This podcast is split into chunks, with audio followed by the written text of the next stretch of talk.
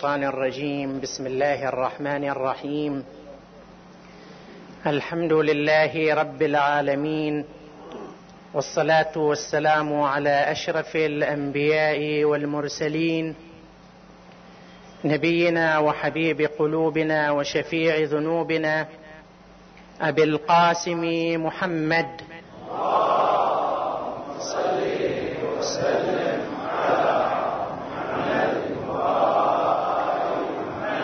صلى الله عليه وعلى آله الطيبين الطاهرين المعصومين. قال الله العظيم في كتابه الحكيم بسم الله الرحمن الرحيم.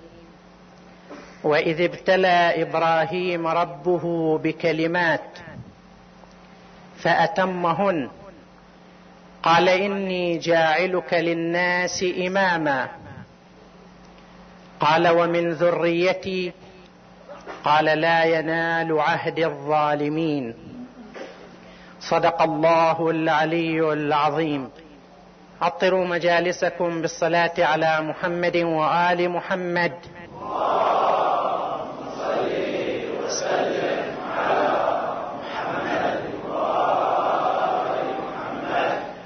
اللهم صل وسلم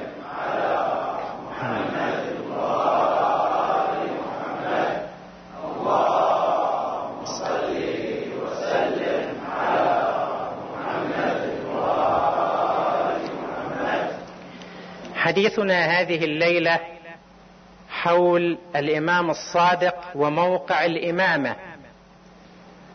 وفي البدء أعتذر عن التأخير. إن شاء الله في الليالي القادمة يكون على نفس الوقت إن شاء الله تعالى. الإمامة موضوع خطير وحساس في الأمة الإسلامية. وتعدد الآراء في موضوع الإمامة سبب وجود الكثير من الخلافات والصراعات في تاريخ الأمة. ولذلك يتجاذب الإنسان في بحث هذا الموضوع تفكيران. التفكير الأول أن طرح هذا الموضوع وبحث هذا الموضوع قد لا يكون مناسبا وصالحا لأوضاع الأمة. وذلك لأنه يعتبر إثارة لموضوع مختلف فيه. وبالتالي نوع من التعبئه المستجدة حول موضوع مختلف فيه ونوع من تكريس الخلاف وتكريس الصراع.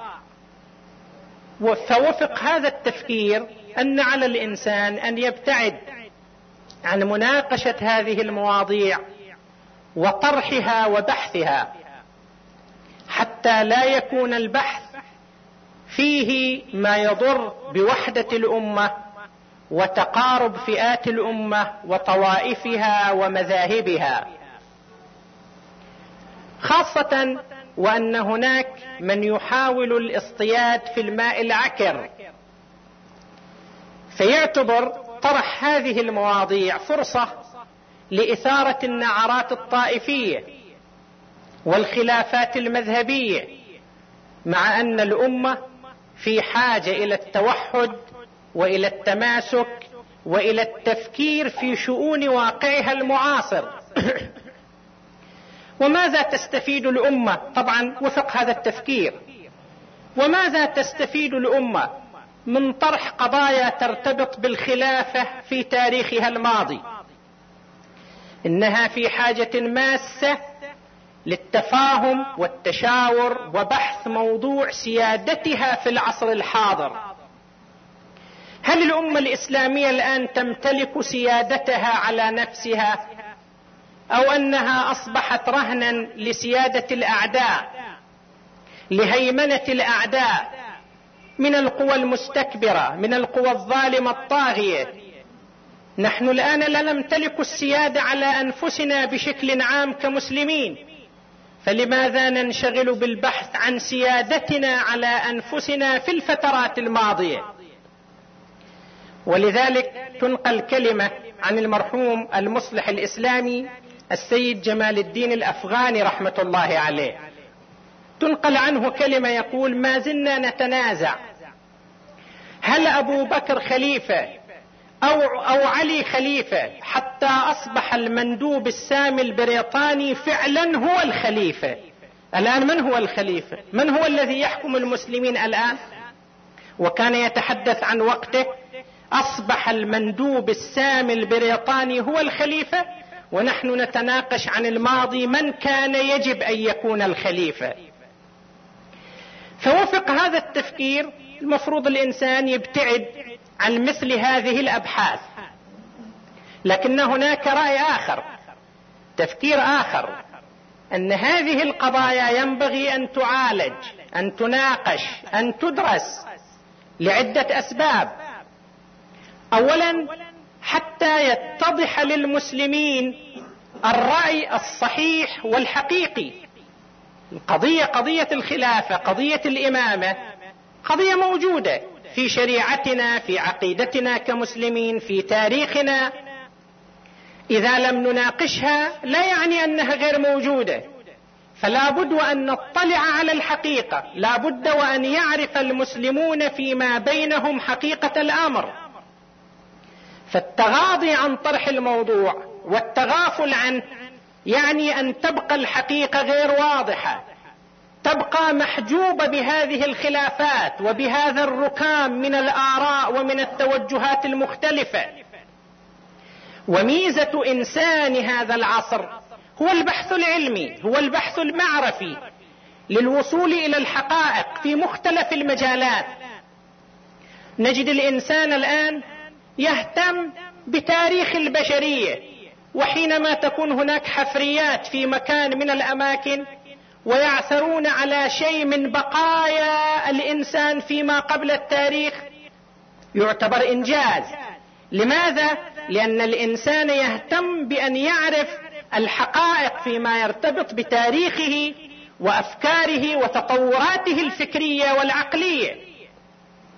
فكحقائق ينبغي أن تناقش وأن تبحث. هذا اولا. وثانيا جمع من المسلمين طائفة كبيرة من المسلمين أتباع أهل البيت عليهم السلام. وهم ليسوا قلة في الأمة. على أقل التقادير أتباع أهل البيت الآن في العالم هم ثلث الأمة الإسلامية. وهؤلاء لهم رأي ولهم وجهة نظر ولهم عقيدة في هذا المجال. فلماذا لا يناقشون عقيدتهم لا يطرحون آراءهم وأفكارهم حتى تتضح في نفوس أبنائهم وأجيالهم؟ هذا من جهة ومن جهة ثانية حتى يعرف المسلمون بعضهم بعضا. يعني لازم كل فئة من المسلمين تعرف حقيقة معتقدات الفئة الأخرى. إذا ما تكون هناك معرفة صحيحة وصادقة يصير في ملابسات يصير في غموض يصير كل واحد ينظر إلى الثاني من خلال آه، ركامات من خلال ظنون من خلال كلام غير صحيح وغير سليم. بينما المفروض أن يعرف المسلمون يتعرفون على بعضهم البعض. الآن في العالم في سعي في الدول المتقدمة حتى يعرفوا أبنائهم ضمن الدراسة وضمن التثقيف العام معتقدات سائر الشعوب. ليش؟ يقول لك هذا الإنسان هذا الطالب الذي يدرس في أمريكا لن يبقى في أمريكا على طول. ممكن يوم من الأيام يكون عمل في بلد خارج أمريكا يتعاطى مع بلد خارج أمريكا. فكيف يتعاطى مع شعوب يجهلها؟ لا يعرف معتقداتها تقاليدها أعرافها تراثها. ولذلك يحاولون أن يعرفوا ابنائهم على معتقدات وتواريخ وتقاليد وتراث الشعوب الأخرى. وخاصة العناصر التي يراد أن يستفاد منها في العلاقة مع الشعوب الأخرى سياسيا أو اقتصاديا يعني وزارة الخارجية الأمريكية الجماعة اللي تريد تبعثهم كسفراء قناصلة يعملون في البلدان الإسلامية لازم تعمل لهم دورات. تعرفهم بطبيعة هالبلدان وهالشعوب التي يعملون فيها؟ حتى يعرفون مع من يتعاملون. وإحنا المسلمين نعيش مع بعضنا البعض في بلد واحد على أرض واحدة. الواحد منا لا يعرف الآخر وقد يعرفه معرفة مغلوطة. تصورات عنا نظرة عنا تصورات غير حقيقية وغير صحيحة مع أنه إلى جانبه. وهذا ملحوظ. ليش؟ لأنه ما في هناك وضوح في الطرح. ما في هناك حرية في المعرفة وفي طرح الآراء والأفكار. وطن يعيش فيه مسلمون من سنة وشيعة. هذا السني سيجد نفسه إلى جانب الشيعي بدءا من مقاعد الدراسة وانتهاء بمختلف مجالات العمل في وطن واحد يعيشون. والشيعي سيجد نفسه إلى جنب السني كيف يصح أن يكون انطباع كل واحد عنهما انطباعا غير صحيح غير سليم؟ كل واحد ماخذ انطباع عن الثاني من طرق مغلوطة من طرق غير سليمة. ولذلك نسمع قصص تشوف واحد مثلا يعيش مع مواطن مثله لكن يختلف معه في المذهب. شيعي بعد فترة يستغرب يقول يعني أنتم الشيعة هالشكل يعني غير شكل كانت فكرتنا عنكم. غير شيء كانت رؤيتنا عنكم. يتعجب حينما يشوف الشيعي بهالطريقة وبهالأسلوب وبهال بهالطريقة من العمل والسلوك الديني. ليش؟ لأن عنده فكرة مسبقة خاطئة مغلوطة. هذا عمل خاطئ. ينبغي أن يتعرف المسلمون على بعضهم البعض وما يتعاملوا مع بعضهم البعض من خلال الافتراءات والتهم والبهتان وركامات التاريخ السابقة. لا. انت تعيش مع أخيك السني. لازم بالضبط تعرف هذا الإنسان المواطن المسلم اللي معاك يعيش. بالضبط شنو هو معتقداته وآراءه. حتى نظرتك إلى تكون صحيحة. والسني أيضا ينبغي أن يعرف أن هذا المواطن الشيعي الذي معه بالضبط شنو معتقداته وآراءه. حتى يتعامل معه نفسيا وسلوكيا وفكريا بالشكل السليم الصحيح. اذا طرح هذه المباحث. إذا كان الطرح موضوعي وليس طرح فيه حس... إثارة للحساسيات. ما الطرح ما لازم يكون فيه اعتداء على الطرف الآخر. ما لازم يكون فيه بهتان افتراء وإنما مناقشة موضوعية. هذا رأينا وهذا رأيكم هذا دليلنا هذا دليلكم. هالنوع من الطرح هذا لا يترك اثرا سلبيا على وحدة الأمة. بالعكس هذا يعزز وحدة الأمة. لأن الأمة إذا تعرفت على بعضها البعض واحترم كل واحد الثاني تصير وحدة حقيقية. أما وحدة ظاهرية مفروضة بسبب القمع بسبب الإرهاب الفكري هذا لا يقال له وحدة. هذه وحدة ظاهرية هشه مهزوزة أقل شيء يمكن أن يفلشها أن ينسفها أن يسقطها. اذا فطرح هذه القضايا والمواضيع ضروري ومهم ولا يخالف وحدة الأمة وانسجامها إنما المسألة ترتبط بطريقة الطرح. قد تكون الطريقة تهدم وحدة الأمة.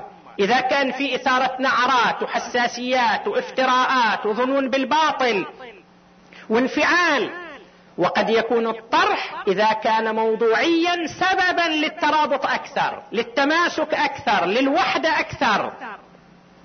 والمفترض أن الأمة الإسلامية تتجاوز مرحلة التقية في وضعها الداخلي. في هذا العصر بعد ما في مجال أن المسلم يستخدم التقية تجاه أخيه المسلم. الان إحنا نعيش في عصر في حرية الآراء في حرية الأفكار في مختلف المجالات. فلماذا يضطر الإنسان المسلم أن يخفي بعض آرائه بعض أعماله الدينية خوفا من أخيه المسلم الذي يكون معه؟ هذه حالة متخلفة. ممارسة التقيه أو الاضطرار للتقيه إحنا الشيعة صحيح نقول بالتقية ومو بس إحنا يعني هي حالة عقلية وحالة إسلامية في تراثنا موجودة في القرآن الكريم إلا أن تتقوا منهم تقات.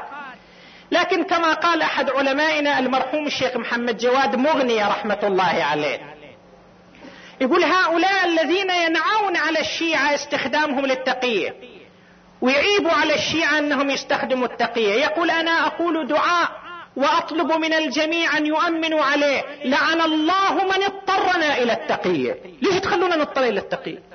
ليصير قمع ليصير إرهاب خلي يصير مجال كل واحد يمارس بوضوح ما, ما نستخدم تقية. تقية هي حالة اضطرارية هي حالة استثنائية. أما إذا الواحد شاف نفسه مو مضطر لا أنا هذا عقيدتي وهذه فكرتي وما ما في شيء يعني. فليش يستخدم التقية؟ التقية هي حالة اضطرارية. ينبغي أن لا تكون في أوضاع الأمة ظروف تضطر المسلم لكي يمارس التقية في دينه من قبل أخيه المسلم. لا كل واحد يتعبد إلى الله تعالى بما يراه أنه مبرئ لذمته. حسب مذهبه حسب عقيدته ونرجو أن تصل أمتنا الإسلامية إلى هذا المستوى إن شاء الله. اذا الطرح الموضوعي هذا لا إشكال فيه ولا غضاضه فيه. إنما الإشكال في الطرح المتشنج في الطرح حينما يكون طرح طفولي. وفي الواقع يتقزز الإنسان حينما يقرأ بعض الكتب اللي تتحدث عن الخلافات المذهبية ووصم كل مذهب أتباع كل مذهب لأتباع المذهب الآخر. ينزعج يعني كيف هالحالة تكون بين أبناء الأمة. مثلا كنموذج شوف واحد يقول أنا أكره الشيعة. ليش؟ يقول لأني رأيت أن حرف شين كل كلمة سيئة تبدأ به. شر شيطان شعوذة شقاء. فكل كلمة سيئة تبدأ بحرف شين فأنا على هالأساس أكره الشيعة. هذا منطق يعني. ذاك جاوب إذا هذا البناء هي شكل. أنا يحق لي أن أقول أنا أكره السنة لأن كل كلمة سيئة أيضا تبدأ بحرف سين سموم سقر سحر ما أدري شو. بس هذا مو منطق يعني. هذا كلام صبياني كلام طفولي. المفروض أن يكون هناك معالجة وبحث موضوعي ودراسة موضوعية أمكن التوافق على بعض المشتركات أهلا وسهلا. ما أمكن؟ لكل واحد له رأي أنت بما عندك ونحن بما نحن بما عندنا وأنت بما عندك راض والرأي مختلف. ما في مشكلة. من هذا المنطلق نحن نريد أن نسلط الأضواء ولو بشكل مختصر في هذه الليلة أو في أكثر من ليلة حول موضوع الإمامة عند أهل البيت. لأن الإمام الصادق عليه السلام الذي نتحدث عنه هو يتسنم هذا المنصب. هو واحد من الأئمة الاثني عشر الذين يتسنمون هذا المنصب وهذا الموقع. فلازم نعرف طبيعة الموقع الذي يتسنمه هذا الإمام وسائر الأئمة عليهم أفضل الصلاة والسلام. في البدء لازم نشوف ماهية الإمامة المختلف فيها. ما هي الإمامة؟ ما المقصود بالإمامة؟ فيه يحصل اختلاط بين موضوع الإمامة وبين موضوع الخلافة. كيف؟ نحن نرى أنه بعد وفاة رسول الله صلى الله عليه وآله أصبح هناك فراغ كبير في الأمة الإسلامية. هذا الفراغ في بعدين.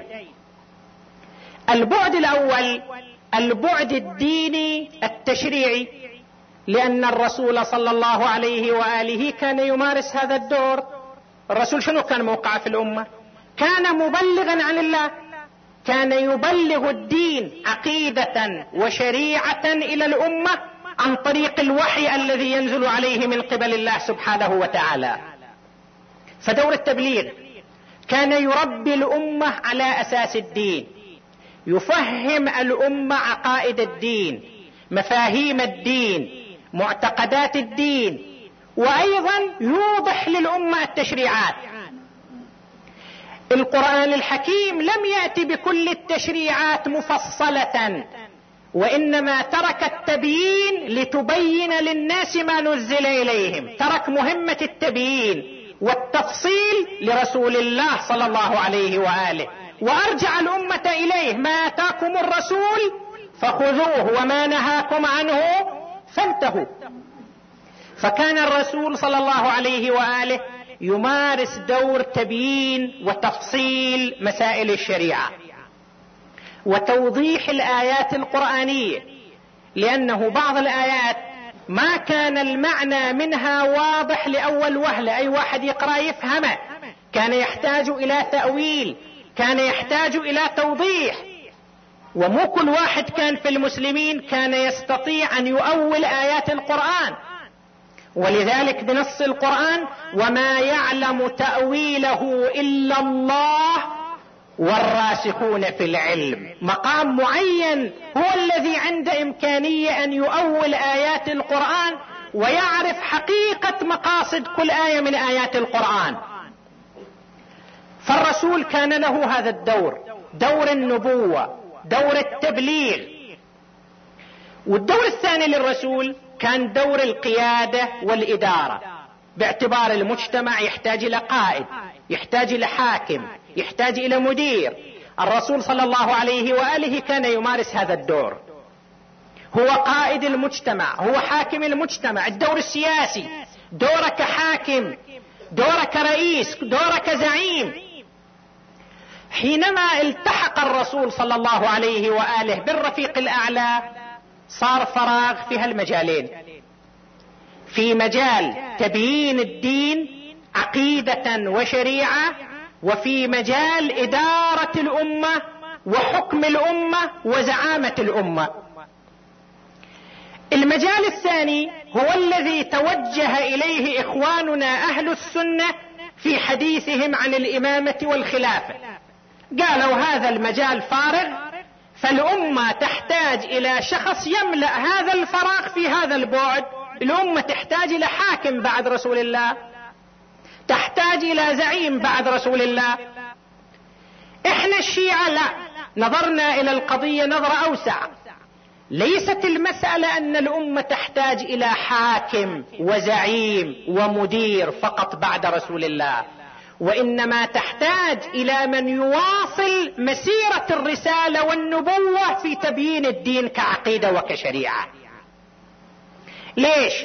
لماذا نرى هكذا؟ لماذا نعتقد هكذا؟ لأن الإسلام كعقيدة وكشريعة يريد أن يخلق أمة أمة تحمل هذه الرسالة إلى العالم وتصبح أفضل أمة. كنتم خير أمة أخرجت للناس. والإسلام كعقيدة وكشريعة نظام متكامل لجميع جوانب الحياة. لكن الفترة التي عاشها رسول الله صلى الله عليه وآله كانت فترة قصيرة. واضح لأنه في مكة المكرمة بعد البعثة 13 سنة ما كان هناك مجتمع إسلامي ولا نزلت التشريعات ما كان مرحلة نزول كامل التشريع وما كانت الفرصة مواتية للرسول صلى الله عليه وآله آنذاك. تبقى عندنا مرحلة العهد المدني. العهد المدني كم سنة كان؟ عشر سنوات. هالعشر السنوات كانت مليئة بالأحداث.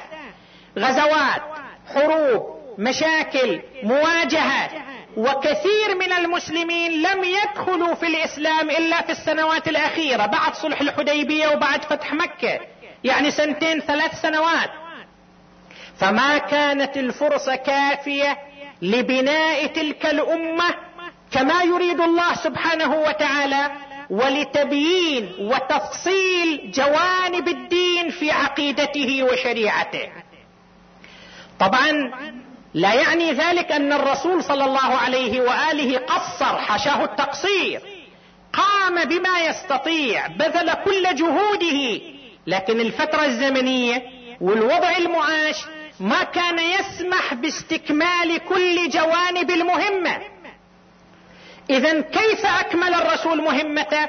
أكملها بإعداد من يواصل المسيرة. إحنا نعتقد أن الرسول صلى الله عليه وآله إذا كانت الفرصة لم تسمح له أن يبين كل الدين في عقيدته وشريعته وما يستجد من أحداث ومشاكل وقضايا مستحدثة إذا لم يكن ممكنا أن يبين ذلك لكل الأمة فإن الرسول قد بين ذلك لجهة محددة من الأمة حتى تقوم هذه الجهة بدور التبيين والشرح والتبليغ للأمة. هذا ما نعتقده.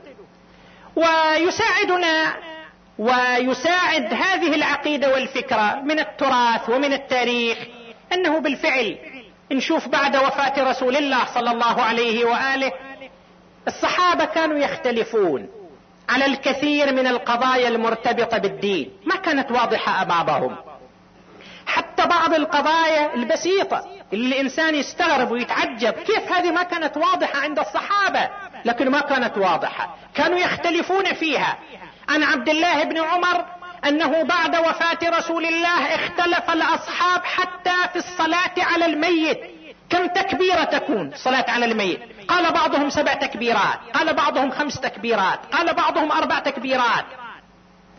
إضافة إلى الاختلاف حول بقايا القضايا الأراضي التي يفتحها المسلمون يمتد إليها سلطان المسلمين.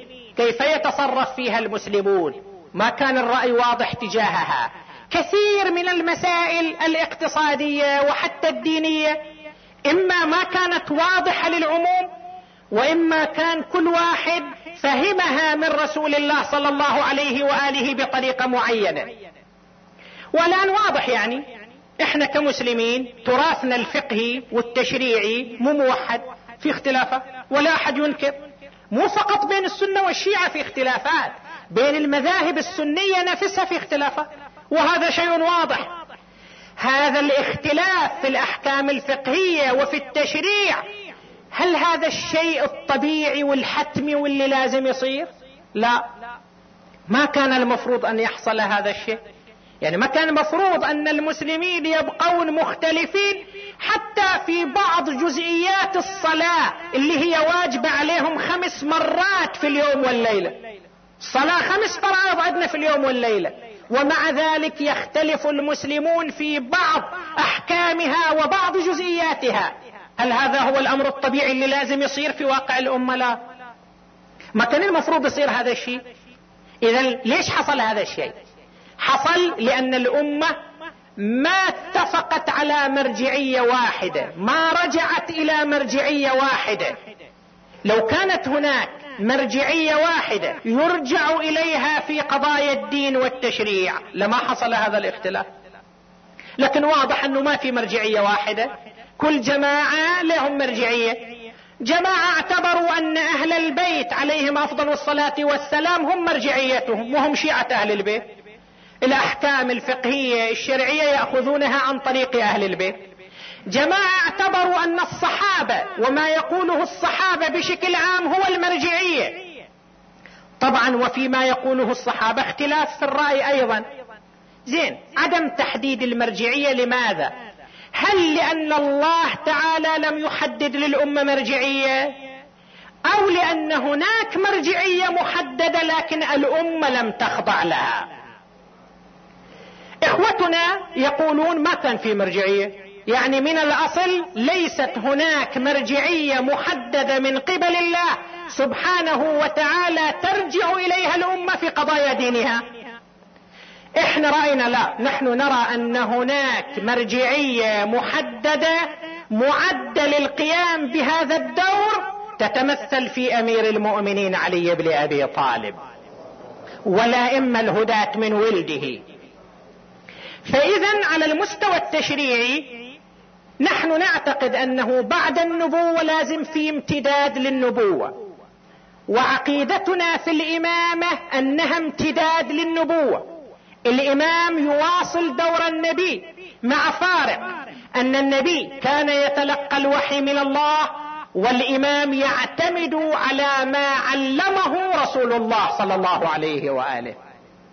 وبالتالي مهمة النبوة تكون مستمرة. في هذا الجانب التشريعي في هذا الجانب الديني. هذه ناحية لازم تكون واضحة. الناحية الثانية جانب القيادة والسلطة. واضح أن السلطة والزعامة والحكم والخلافة كثيرون من الناس يمكن أن يطمحوا لها. طبيعة الإنسان يصير عنده طموح للتزعم عنده طموح للرئاسة. عنده طموح للزعامة خاصة وأن المجتمع العربي المجتمع الجاهلي كانت في حالة قبلية حالة عشائرية كانت في صراعات كان في خلافات على الزعامة.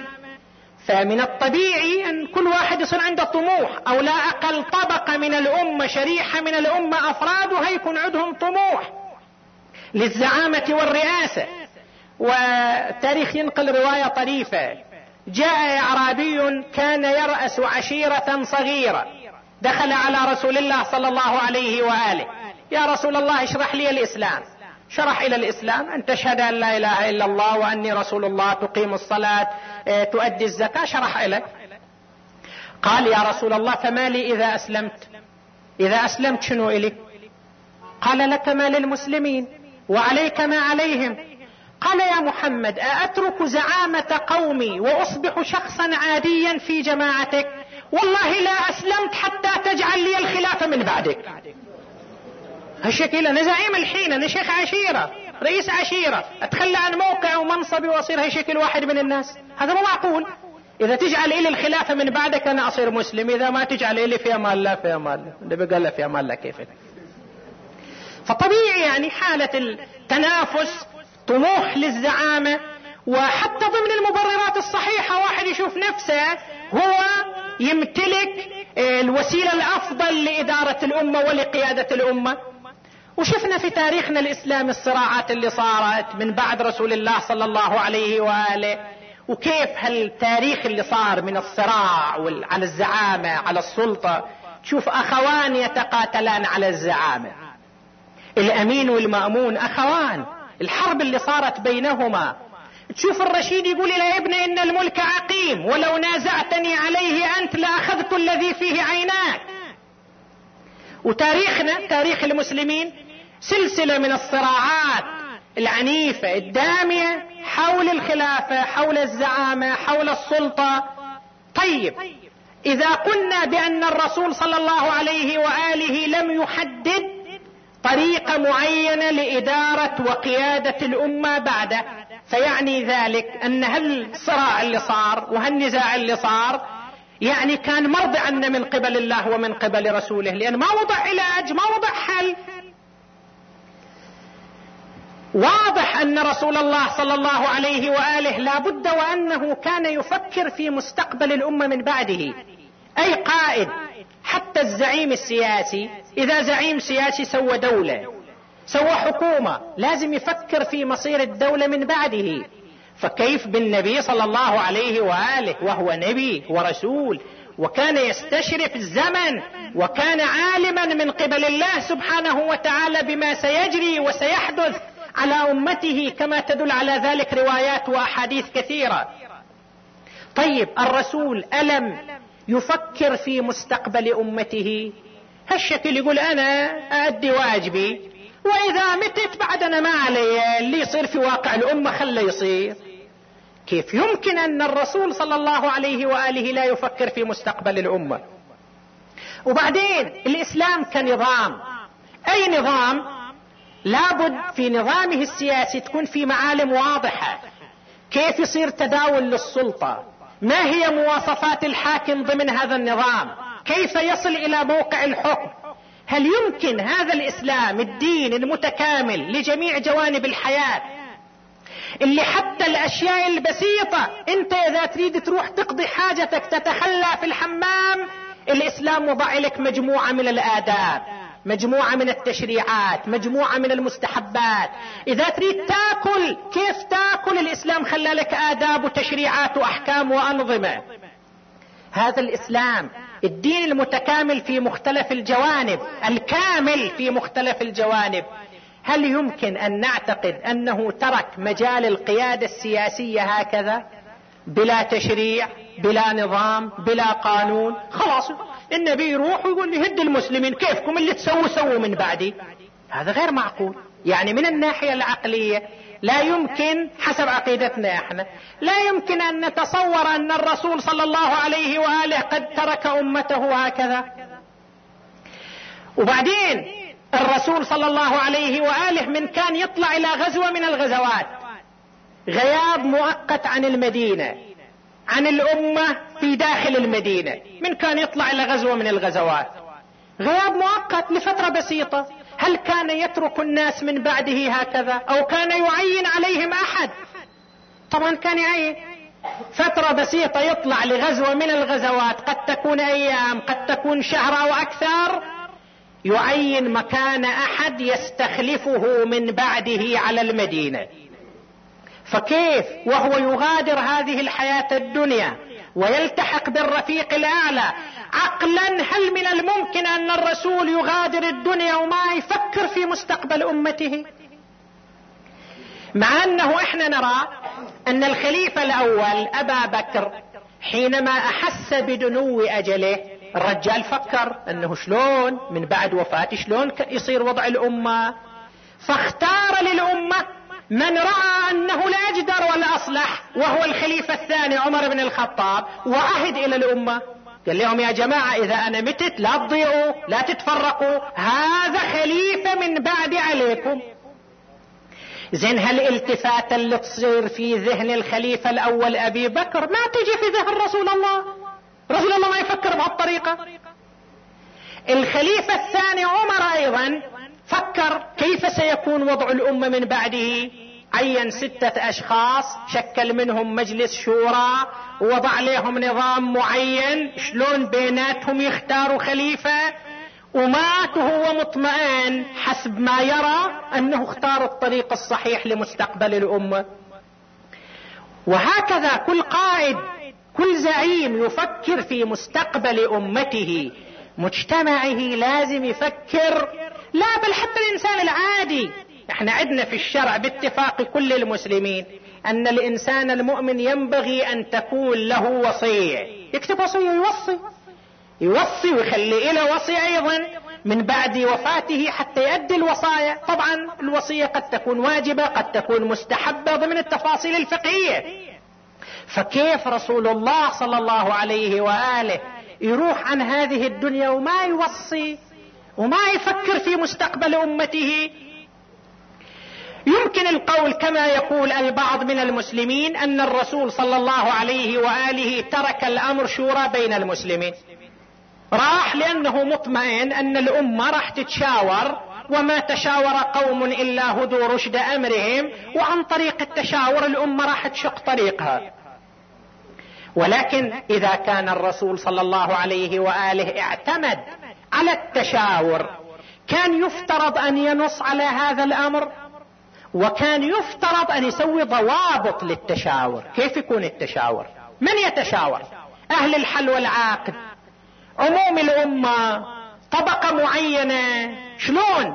بينما لا نجد في الروايات والأحاديث الواردة في كتب المسلمين لا نجد فيه أي إشارة فضلا عن التوضيح والتفصيل حول هذا الأمر. ولو أن الرسول صلى الله عليه وآله ترك الأمر من بعده شورى للمسلمين. ليش الخليفة الأول اذا يخالف أمر رسول الله ويستخلف من بعده أحدا؟ وليش الخليفة الثاني أيضا يخالف ويخلي له مجلس ستة أشخاص؟ ليش ما يسوون مثل ما سوى رسول الله؟ يخلي الأمر شورى بين المسلمين. في كل ذلك دليل طبعا بسرعة نقرأ الأدلة. في كل ذلك دليل على أن الشورى لم تكن هي نظام معتمد من قبل الله ومن قبل النبي صلى الله عليه وآله لحل مشكلة الأمة من بعده. على مستوى القيادة والحكم وحتى على مستوى التشريع واللي هي بالنسبة لنا إحنا الشيعة نعتبرها هي القضية الأهم في الإمامة. إحنا عندنا جوهر قضية الإمامة هو كونها امتداد للنبوة. مسألة تبيين الدين وممارسة الحكم والسلطة نعتبره شيء ثانوي بالنسبة للإمام. إن دانت له الأمة يمارس الحكم والسلطة. إذا ما دانت له الأمة هو إمام. يعني الإمام حتى لو ما صار حاكم هو إمام في اعتقادنا. ليش؟ لأن جوهر الإمامة عندنا مو الحكم والسلطة. جوهر الإمامة عندنا والمهمة الأساسية للإمامة عندنا هي تبيين الدين في عقيدته وفي شريعته. اذا فما هو الاحتمال الوارد؟ نحن نرى أن رسول الله صلى الله عليه وآله بأمر من قبل الله قد أعد لمستقبل هذه الأمة ما يكفيها شر الاختلاف. ما يكفيها شر الاختلاف لأن الاختلاف والنزاع هي مشكلة محتملة واردة وقد حصلت بالفعل. كيف؟ عن طريق تعيين مرجعية للأمة عن طريق تعيين من تعود وترجع وتخضع له الأمة من بعد رسول الله صلى الله عليه وآله. في هالمجال لا بأس أن نستشهد بمحاورة طريفة أجراها هشام بن الحكم تلميذ الإمام الصادق عليه السلام. مع عمرو بن عبيد أحد الأعلام البارزين كانوا ممن ما كانوا يذهبون إلى النص في قضية الامامه والخلافة. الرواية الواردة أن الإمام الصادق عليه السلام قال لهشام بحضور جماعة من أصحابه يا هشام ما صنعت بعمر بن عبيد؟ لأن الإمام وصل خبر عن تلك المناظرة. هشام قال سيدي إني أستحي أن يعمل لساني في حضورك. أجيب القصة كلها بحضورك. الإمام قال إذا أمرتكم بأمر فامتثلوا. أنا أريدك. تقول شنو صار بينك وبينه. فهشام صار يقص المحاورة على الإمام. قال يا ابن رسول الله سمعت عن عمرو بن عبيد وأنه يجلس في مسجد البصرة.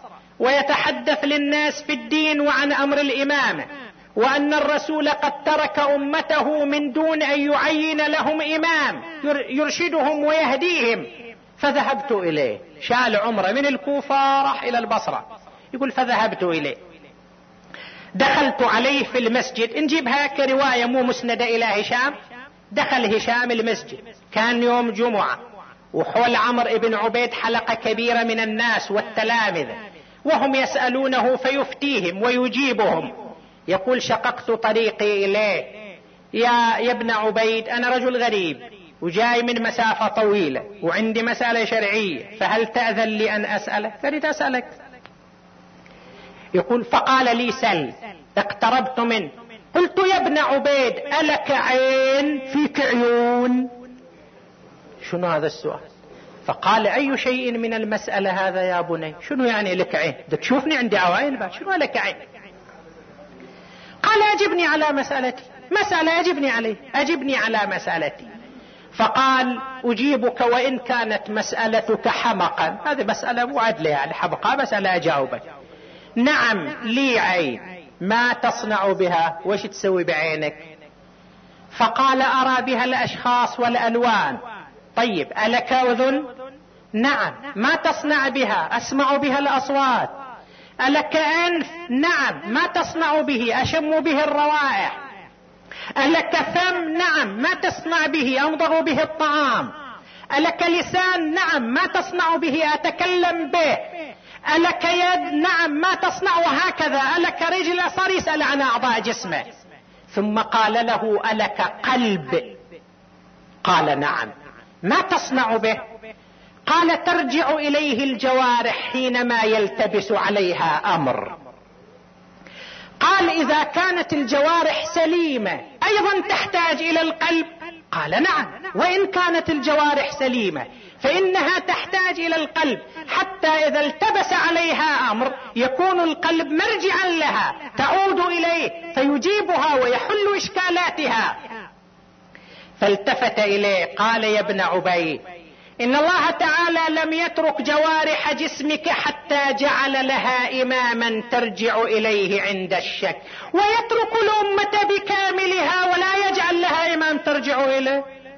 كيف يكون ذلك؟ يقول فأسقط ثم التفت. قال لعلك هشام بن الحكم. أنت فلان؟ يقول ما حبيت أجاوبه. قال لي من أين أنت؟ قلت من الكوفة. قال والله إنك هشام. هذا الطريقة وهذا الأسلوب من الاحتجاج والأدلة العقلية الواضحة. هذا أسلوب هشام بن الحكم. اذا الأمة لابد وأن يكون لها إمام ترجع إليه. هذا من الناحية العقلية. وعلى هالأساس إحنا نعتقد أنه لابد وأن هناك إماما مهيأ بل أئمة مهيئين يقومون بهذا الدور للأمة.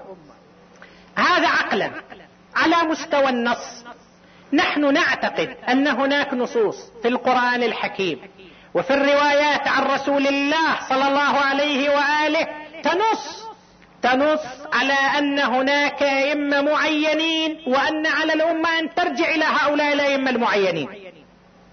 الآيات القرآنية عديدة من جملتها الآية التي افتتحنا بها مجلسنا. وإذ ابتلى إبراهيم ربه بكلمات فأتمهن. قال إني جاعلك للناس إماما. وأشرنا إلى هذا الموضوع في بداية الشهر الكريم. جاعلك. اذا الامامه جعل من قبل الله. إني جاعلك للناس إماما. ما قال راح أخلي الناس ينتخبوك اماما جاعلك للناس إماما. آية أخرى. وجعلناهم أئمة يهدون بأمرنا. وجعلناهم جعل من قبل الله سبحانه وتعالى. وأيضا النصوص الكثيرة. طبعا في آيات أخرى عديدة لكن الوقت ما يسع شوية. تأخرنا عليكم في بداية المجلس. أما النصوص فهي كثيرة جدا. والنصوص التي نحتج بها ليست من كتبنا فقط وإنما هي من كتب المسلمين جميعا. كنموذج هل تعلمون أن هناك حديث مروي بأكثر من ثلاثمائة طريق من طرق رواة الأحاديث؟ عن رسول الله صلى الله عليه وآله ينص على أن الأئمة من بعده اثنا عشر إمام كلهم من قريش. ثلاثمائة طريق كما أحصى أحد العلماء المحققين الشيخ الصافي حفظه الله ثلاثمائة طريق من مختلف الكتب والصحاح وكتب الأحاديث. واحد علماء السنة محمد معين السندي ألف كتاب. سماه مواهب سيد البشر في أحاديث الأئمة الاثني عشر. كتاب جمع فيه الأحاديث بمختلف طرقها أن رسول الله صلى الله عليه وآله قال يكون من بعدي اثنا عشر إمام أو أمير أو خليفة كلهم من قريش. صحيح البخاري موجود في هذا الحديث. عن جابر بن سمرة قال سمعت رسول الله صلى الله عليه وآله يقول يكون من بعدي اثنا عشر أمير. وقال كلمة لم أسمعها منه فسألت أبي بعد ذلك حينما خرجنا من المجلس ماذا قال رسول الله من بعد اثنا عشر أمير؟ قال قال كلهم من قريش. هذا في صحيح البخاري. في مسند الإمام أحمد بن حنبل إمام المذهب الحنبلي أيضا هناك روايات عن عبد الله بن مسعود. سئل رسول الله صلى الله عليه وآله عن الخلفاء بعده قال اثنا عشر كعدة نقباء بني إسرائيل. اذا اثنا عشر وين هالاثنا عشر؟ تعال اقرأ التاريخ. إذا النبي يقصد الخلفاء اللي بيصيروا بالفعل. يعني النبي يتكلم تنبؤ عما سيحصل. شلون ترتبها يعني؟ أي 12 دولة الخلفاء عند المسلمين اللي تحت عنوان الخلفاء الراشدين أربعة. إذا نريد نحسب بني أمية بما فيهم يزيد وعبد الملك بن مروان والوليد بن عبد الملك والمجاميع. خو نفس خلفاء بني أمية أكثر من 13 واحد. إذا نريد نحسب خلفاء بني العباس أحد العلماء من إخواننا قام سوى محاولة تلفيقية. يقول بكل صراحة هذه الأحاديث صحيحة ثابتة لكننا لا نرى كما يرى الرافضة أنهم الاثنى عشر من ذرية علي وفاطمة. لعد شلون؟ سواله خليط كوكتيل مركب. الخلفاء الأربعة وعمر بن عبد العزيز وعبد الملك بن مروان وشو واحد من بني العباس جمعهم ما أدري بالقرعة بالخير اختارهم سوى لقائم 12 واحد قال هذول اللي عليهم الحديث. طبعا هذا تمحل هذا تعسف إذا الرسول ما يتحدث عن عما سيكون أنه 12 خليفة راح يصيروا لأن اللي صاروا مو هالشكل. إذا بس الخلفاء الراشدين إذا بني أمية وبني العباس وإنما الرسول يتحدث عن من يجب أن يكونوا وهم الاثنى عشر الذين نعتقد بهم نحن. إضافة إلى النصوص الواضحة عن رسول الله صلى الله عليه وآله في النص على أمير المؤمنين علي بن أبي طالب.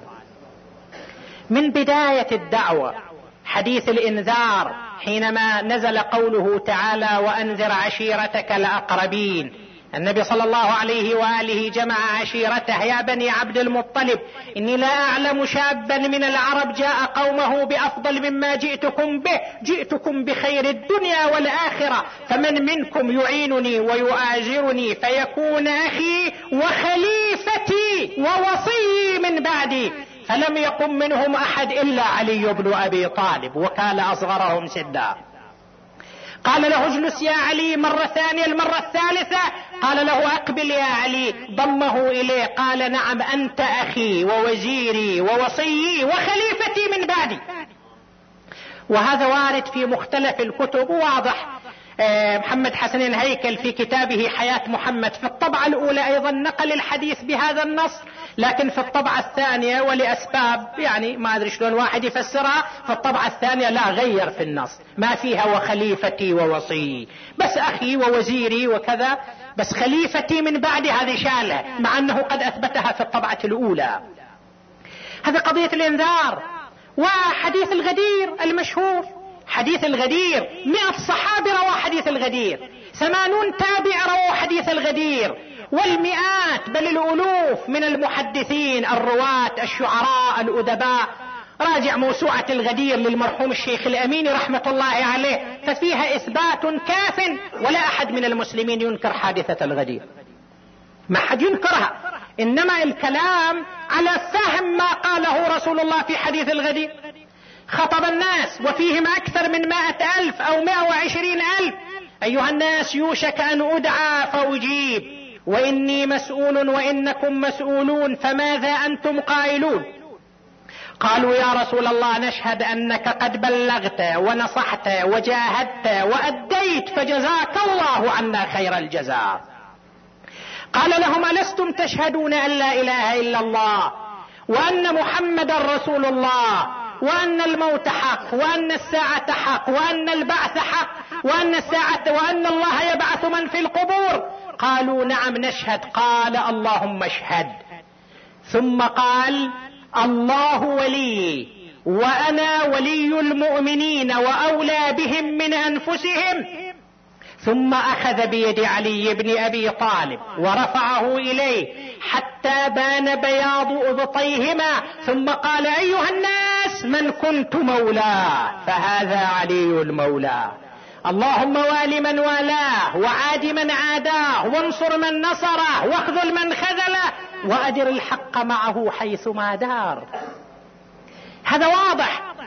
إخواننا أيضا يروون هذا الحديث لكن يقولوا النبي مو قصده يعني مولاه يعني إمامه يكون خليفة. لا من كنت حبيبه فعلي حبيبه.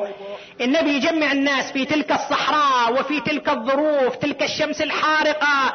يمنع الناس من السير حتى يلحق آخرهم بأولهم يصنع إلى منبر من حدود الإبل يصعد على ذاك المنبر وفي ذلك الوقت القاسي حتى يقول يا جماعة من كنت حبيبا فعلي حبيبه. إحنا نستبعد هذا البعد نحن نرى أن المسألة نص صريح على ولاية أمير المؤمنين علي بن أبي طالب عليه السلام. وإلى جنبها أحاديث وروايات كثيرة ونصوص كثيرة واضحة عندنا لولا أن هناك من إخوتنا من يتأول هذه النصوص وطبعا إذا التأول ضمن قناعة هم كما يعتقدون وكما يرون. إحنا مسؤوليتنا أن نبين وجهة نظرنا. وجهة نظرنا أن هذه النصوص واضحة وصريحة في النص على أمير المؤمنين علي بن أبي طالب عليه السلام. وكفاءة الإمام علي وعلم الإمام علي كمرجعية علمية للأمة. في أكثر من مورد الرسول يقول أقضاكم علي بن أبي طالب. أعلمكم علي بن أبي طالب. أنا مدينة العلم وعلي بابها فمن أراد العلم والحكمة فليأتها من بابها. نص على أن الرسول هو المرجعية العلمية في قضايا الدين وفي قضايا الدنيا أيضا. لكن حدث ما حدث وحصل ما حصل. صار تأول للموضوع. نحي علي بن أبي طالب عن الإمامة والخلافة. طبعا الإمام علي ما يخسر شيء. المسألة ترتبط بما حصل للأمة في تاريخها. ذلك الرجل العظيم الذي طالما بين الرسول فضله ومكانته وطالما أثبتت المواقف والموارد فضل علي بن أبي طالب. حتى بغض النظر عن النصوص شجاعة علي. بطولة علي تضحيات علي علم علي كرم علي حلم علي شخصية علي لا يوازى بها أحد من الناس بعد رسول الله صلى الله عليه وآله. لكن حصل ما حصل. الشخصية العظيمة الكبيرة يقول يروى عن سلمان الفارس المحمدي يقول رأيت عليا وهو يقاد إلى المسجد بعد رسول الله. علي هذا الرجل هذه الشخصية العظيمة يقاد إلى المسجد؟ يقول فوقفت متحيرا متالما. قلت سبحان الله يفعل هذا بهذا؟ ولو أشار إلى هذه لانطبقت على ذه لو أشار إلى السماء بأمر الله بإذن الله لانطبقت على الأرض. ويفعل به هكذا؟ الامام علي عليه السلام كان موصى من قبل الرسول. أن يتحمل ما يحدث لأن المسألة المسألة ما كان غرض شخصي للإمام علي. إنما كان يؤدي دور كان يؤدي وظيفة محولة إليه من الله ومن رسول الله صلى الله عليه وآله. وإلا لو كان الإمام علي أراد أن ينتقم لنفسه أو يأخذ موقعيته بالقوة شجاعة علي معروفة. والله لو اجتمعت العرب والعجم على قتالي لما وليت منهم فرارا. ولكن قيدته وصية. من أخيه حملته ما ليس بالمقدور. وإذا علي على تلك الحالة وما حد يدافع عنه يقول سلمان شفت يمين شمال ما حد يقوم يدافع عن علي. سامعين الروايات والاحاديث عن علي؟ يقول التفت وإذا بامرأة خلف علي بحالة مؤلمة مشجية. بس هذه طلعت تدافع عن علي. امرأة امرأة طلعت تدافع عن علي. خلوا ابن عمي أو لا اكشف بالدعاء. راسي وأشكو للإله شجوني التفت علي إلى سلمان ارجع إلى فاطمة قل لها أبوك بعث رحمة فلا تكوني عليهم نقمة. رجع إليها سلمان يا فاطمة علي يقول لك هكذا قالت سلمان كسروا ضلوعي فصبر. أسقطوني جنيني فصبرت منعوني إرثابي فصبرت ولكن ما على علي من صبر. يريدون أن يرملوا لي وييتبوا أولادي. كاني بها بلسان حالها وهي تعاتب أمير المؤمنين علي بن أبي طالب. لو تنظر بعينك ثبير تزلزل وذايا وقبال عينك يعصرون بصاير متعجب العالم من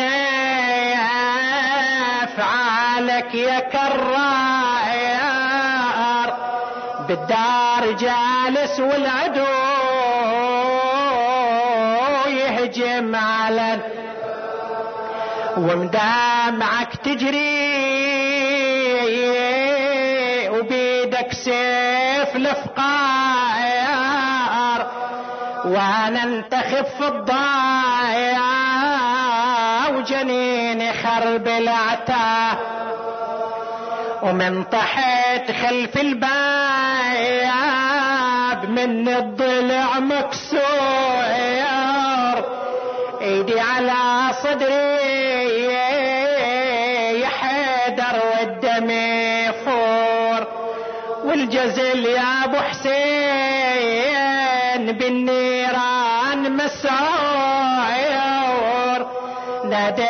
ناديتهم ردوا